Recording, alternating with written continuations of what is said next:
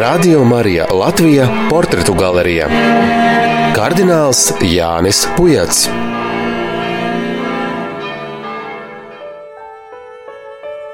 Iepriekšējā reizē mēs uzzinājām par Jāņa Pujata ordinēšanu 51. gadā un viņa kalpošanas pirmajiem gadiem, par pagājušā gadsimta 60. gadu sākumā Vatikāna otrā koncila uzsākto baznīcas liturģisko reformu un par ar tiem saistītiem notikumiem Latvijā un smago darbu, kas bija jāveic, lai to realizētu.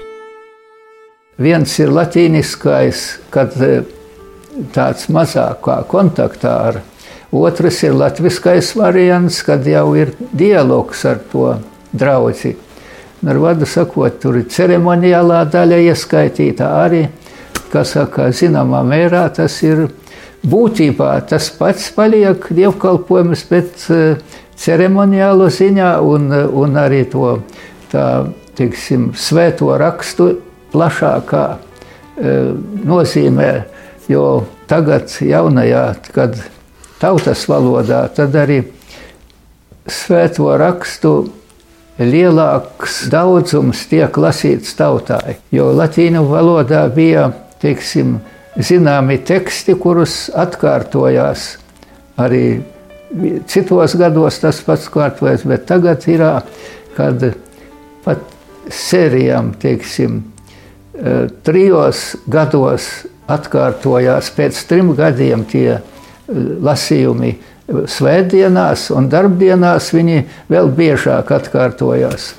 Tā kā viņu taisīja tādai, lai tie svētie raksti pēc iespējas svarīgākais viss tiktu arī tautai nolasīts. Teiksim, to ainīs divos vai trijos gados. Tas nozīmē, ka sprediķis vienīgais pirms tam bija latviešu nu, valodā, un pārējais viss bija latīniski. Evangelija parasti jau bija arī e, latviski tie izdoti, bet viņus nelietoja dievkalpojumā tanī, jo svētie raksti arī gāja visur citur, grāmatās un visur, bet dievkalpojumos bija tikai noteikti zināmi.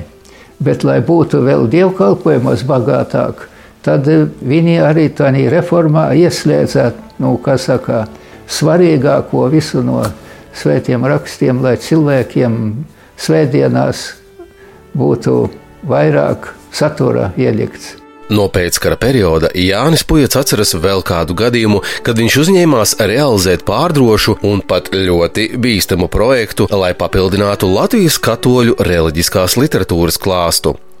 Tad, kad jau pēc, pēc kara, kad piegrieza skrūves, ateismas, sāk aptrūkt reliģiskās literatūras. Un tieši tās katehismi, lūkšanu grāmatas vairs nevarēja dabūt. Kaut ko vajadzēja domāt. Baznīcas koncils vēl, vēl nebija arī sācies. Bija vajadzīgs kaut ko darīt. Nu, izmantoja zināmas visādus, gan ar mašīnu rakstu, mēģināja cilvēki, un arī daudz tur parakstīja. Bet es iegāju vienā veikalā, bija globus veikals grāmatu. Un skatos, Klaina offset druk vācu valodā grāmatiņa, kur parādīts, kā darbojās offset mašīna principā. Es daudz neko nedomādams, nu, Ja tik vienkārši, nu, tā vajag viņu iztaisīt. Jāsaka, ja es būtu zinājis, cik sarežģītais nebūtu, nebūtu nemaz sācies klāt. Bet iesāku pamazām, un izdevās iztaisīt tādu nu, čemodanā ieliekošu mašīnu, kuru ar roku griežamu parastās rakstam papīra loksnes. Mēs paņēmām grāmatiņu to. Latgalē bija ļoti populāra, septiņi izdevumi viņi bija izlaisti. Un viņus izlaida Latvijas laikā lielās tiražās, pat desmitiem tūkstošu eksemplāros. Un viņam ļoti saturīga, ērta, viņu pat saujā var kā saka, paņemt kabatā viegli ielikt. Un mēs paņēmām, pavairojam šo grāmatu un izlaidām 5000 eksemplāru. Viņu vajadzēja ne tikai nodrukāt, ne tikai, bet arī iesiet. Ot šitā ir viena no viņiem. Viņa ir rokas siešana, un viņa, ja paskatāties, viņu var arī lasīt, nav, nav, nav nemaz tik šausmīgi sasmērēta vai nesaprotami, bet, bet viņa ir, viņa ir nokopēta. Un cik eksemplārus jūs teicāt? 5000. Cik tad jūs cilvēki to darījāt? Tur bija brālis un brālim ķēkie saimniece palīdzēja. Viss. Es skatījos uz mazo grāmatiņu kardināla rokās un nesapratu, kā cilvēks to var tik kvalitatīvi izdarīt. Tad sareizināju ar pieciem tūkstošiem un vēl vairāk nesapratu un brīnījos par Jāņa Pujeta un viņa laika biedru milzīgo gribas spēku un enerģiju. Nu, papīru varēja dabūt grāmatu veikalos, jo tas pats rakstām papīrs, kas tagad tā pašā uz vienas loksnes viņam, viņam sanāca, liekas tā, seši tā, līdz kā 12 lapusītes. Bet eh, tad, kad viņi apķērās, tad jau bija par vēlu. Čekas ģenerālis, ģenerālis izsauca mani uz, uz eh, tikšanos. Fūgo tas bija ģenerālis nolika uz galda šito откуда это? Я saku, а вы убеждены, что это, это не из Litvy?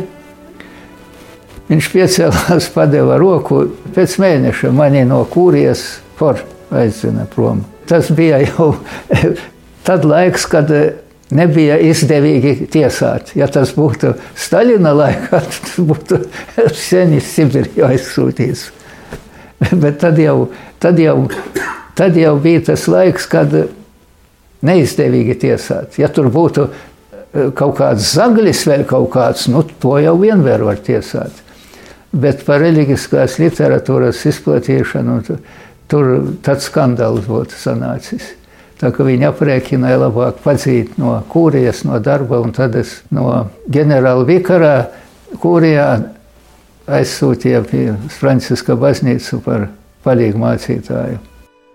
Pret baznīcu pastāvošā vara cīnījās visiem iespējamiem līdzekļiem.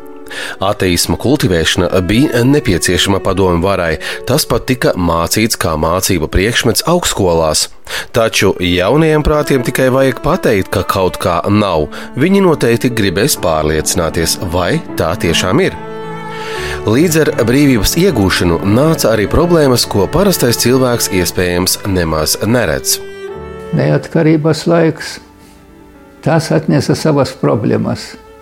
Jau tagad, skatoties no šīs, no mūsdienu, ir atklāti jāsaka, ka Eiropas Savienības ateisms ir sliktāks nekā Padomju Savienības ateisms. Jo, jo kas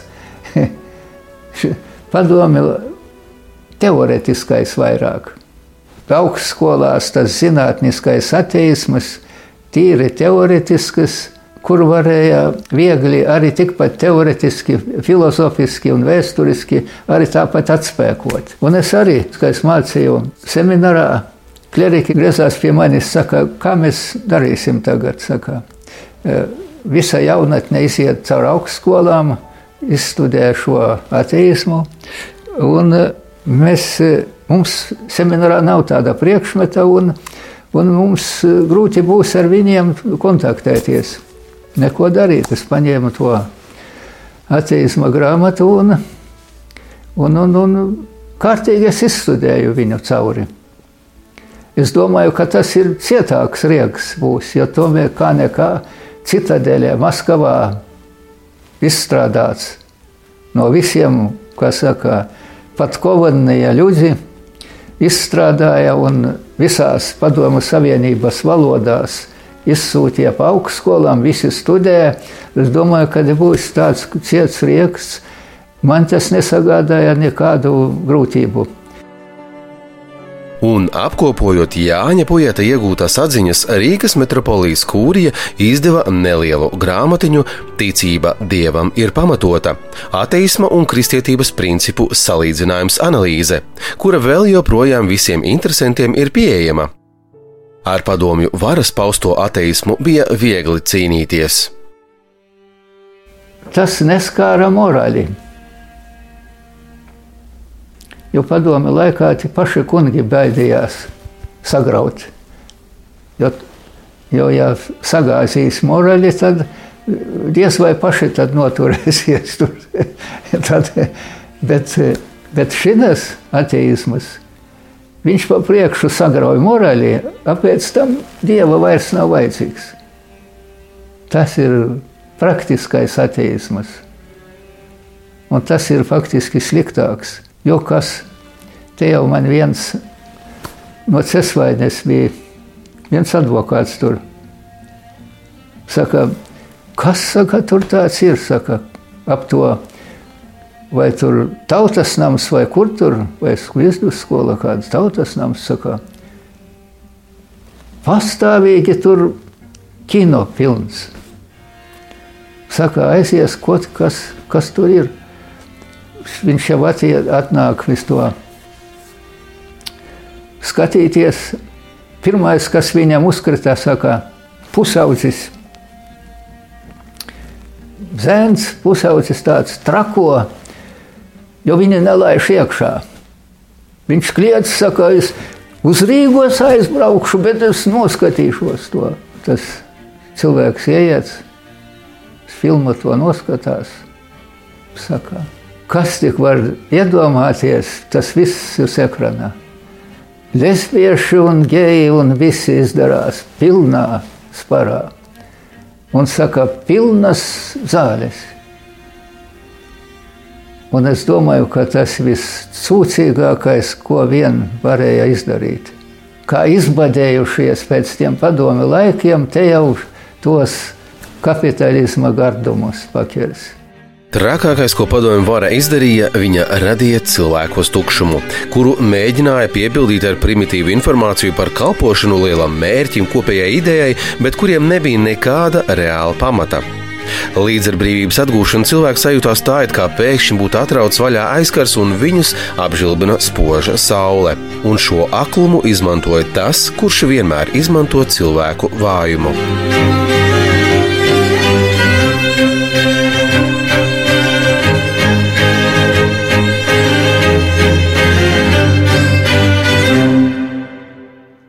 Sākoties valsts politiskajai brīvībai, baznīcas uzdevums bija pēc iespējas ātrāk atjaunot sagrauto infrastruktūru. Liels darbs tika izdarīts pateicoties no Vācijas nākošajam finansējumam. Mēs kontaktējāmies ar vāciešiem, vācu organizācijām, un viņi gāja palīgā mums ar markām. Un līdz ar to Rīgā mums gandrīz, ja rem Rīgas arhidiecēsi, gandrīz visas baznīcas, kas mums Rīgā bija. Visā vidzemē, Madonā, viena maza baznīciņa, Cēsīs, māja par pārtaisīta un Valmierā. Trīs īstenībā baznīciņas. A, a teritorijā, visa periferija, pat eh, Latvijas laikā, tur bija misiju punkti vai tur pagastmājā, tur bija, vai privatmājā, tos visus aizslēdza. Un tās baznīcinas palika, tomēr cilvēki daudzi bija arī pa visu vidzemi, sevišķi pa Daugavas malu, no Latgaļas katoļu. Tad mēs metamies, ja mums tagad ir tā vācu palīdzība, mēs šitie uzbūvējam praktiski 20 jaunas baznīcas 90. gados. Pa visu Latviju tagad, es domāju, kādas 80. Bet mūsu laime vēl bija, ka padomju laikā mēs noturējām visas savas katoļu baznīcas, kuras bija, nu, kā saka, pēc izskata baznīca un pēc visā. Jo tās, kur, kurā kādā mājā turēja privātā, tās aiztaisīja. Bet šitās, kaut arī pusi priesteru represēja, apmēram 80. Iz, apcietināja, izsūtīja un, un jāsaka, vienalga paņēma blakus strādājošais priesteris, paņēma to draugi vai citu, jāsaka, un visi noturēja padomi laikā visas baznīcas. Un ne tikai noturēja, viņas pat izkrāsoja, nodokļus samaksāja.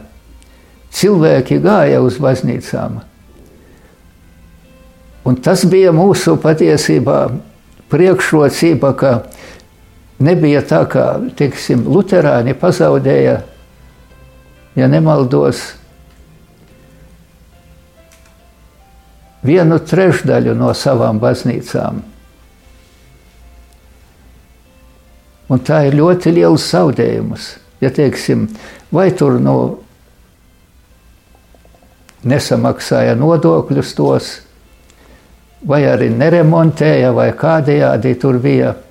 Kaut tur, tur dažādi iemesli bija. Un daudzi baznīcu nogāja līdz, kā saka, līdz klinkiem par padomi laika gadiem. Tā kā šī ziņā mūsu, mūsu katoļu ticīgie, kas saka, turējās, turējās stingri. Un tagad tās, kā saka, jaunās mums nevajadzēja tās vecās remontēt neko, bet jaunas, un mēs tos līdzekļus pagriezām tieši uz jaunu baznīcu celtniecību. Bet jaunatne tomēr nav pasargāta. Tagad jau katrs paņem savā mobilajā, ko, ko grib viņš atrod. Viņš atradīs, kā saka, filmu, viņš atradīs porno žurnālus, visādus. Un šai ziņā ļoti lielu robu cērt izlaidībā. Jo kā nekā, dieva baušļi ir pamatlikumi kārtīgai dzīvei. Nu, kaut ir paņemot. Tēvu un māti godā cināt. Tev nebūs nokaut, tev nebūs zakt, tev nebūs nepatiesi liecību lietot, respektīvi melot. Visi tie ir dabiskie likumi. Tātad pirmie trīs baušļi ir ar dievu attiecības, trīs ģimenes sakārto un pārējo normālie visi kodeksi. Vēl neviens, neviens laicīgais kodeks neiedrošinājās sludināt melošanu, šmaukšanu, zakšanu, nokaušanu, izņemot abortus. To jau neskaitā par cilvēku. Kad, kad no kaut kāds noplēš šo augu, tādu retu, tūlītās uz tiesu. A, kad cilvēku sākuma stadijā noplēš, tas nekas. Vai tad, vai tad nav apgriezta kārtība? Radio Marija Latvija - portretu galerija. Kardināls Jānis Pujats.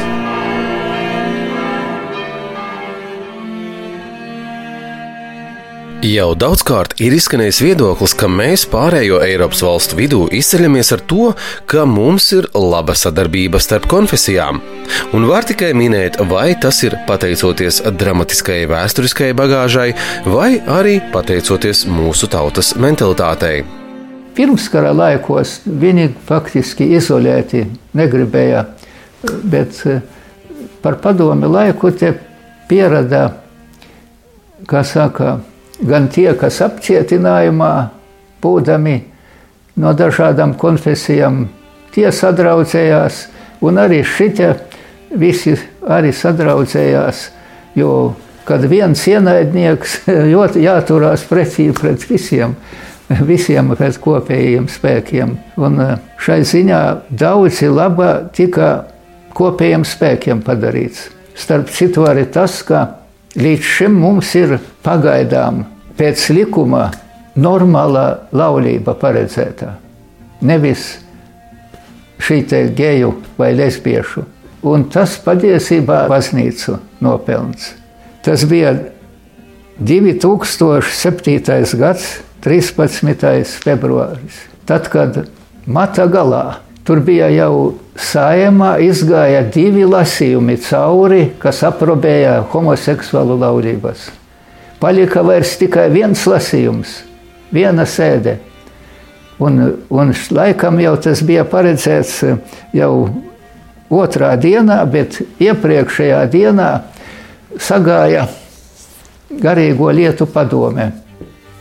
Tas nozīmē, salasījās kādi 12 no garīgām konfesijām, un tad, tad sanāca no Kalvīts bija tad premjers, tur bija no, arī no Sajemas kādu arī no viņu puses kādu 12 vai 15. Nu, no tā iznākumā atkarājās, vai būs vai nebūs tā. Es viņiem pajautāju, dodiet man sešas minūtes laikā. Es biju sagatavojis, un kad es to nolasīju, īso savu referātu, Kalvīts tūlīt piecēlās un paprasīja, ko citi domā. Visi viņi piekrita Mēs atbalstam šo. Un tad Kalvīts pateica, jautājums ir noņemts. Noturējās, un paldies Dievam, vēl ir tas, jāsaka, tas satversmes e, likumā paredzētais normālais laulību veids, un līdz ar to redzēs, cik ilgi vēl noturēsies. Nākamajā reizē jūs dzirdēsiet intervijas ar kardinālu Jāni Pujetu pēdējo daļu, kurā viņš stāstīs par milzīgo darbu, kas tika veikts pie Aglonas bazilikas un tās apkārtnes labiekārtošanas, gatavojoties pāvesta Jāņa Pāvila II vizītei Latvijā. Radio Marija Latvija portretu galerija Kardināls Jānis Pujats.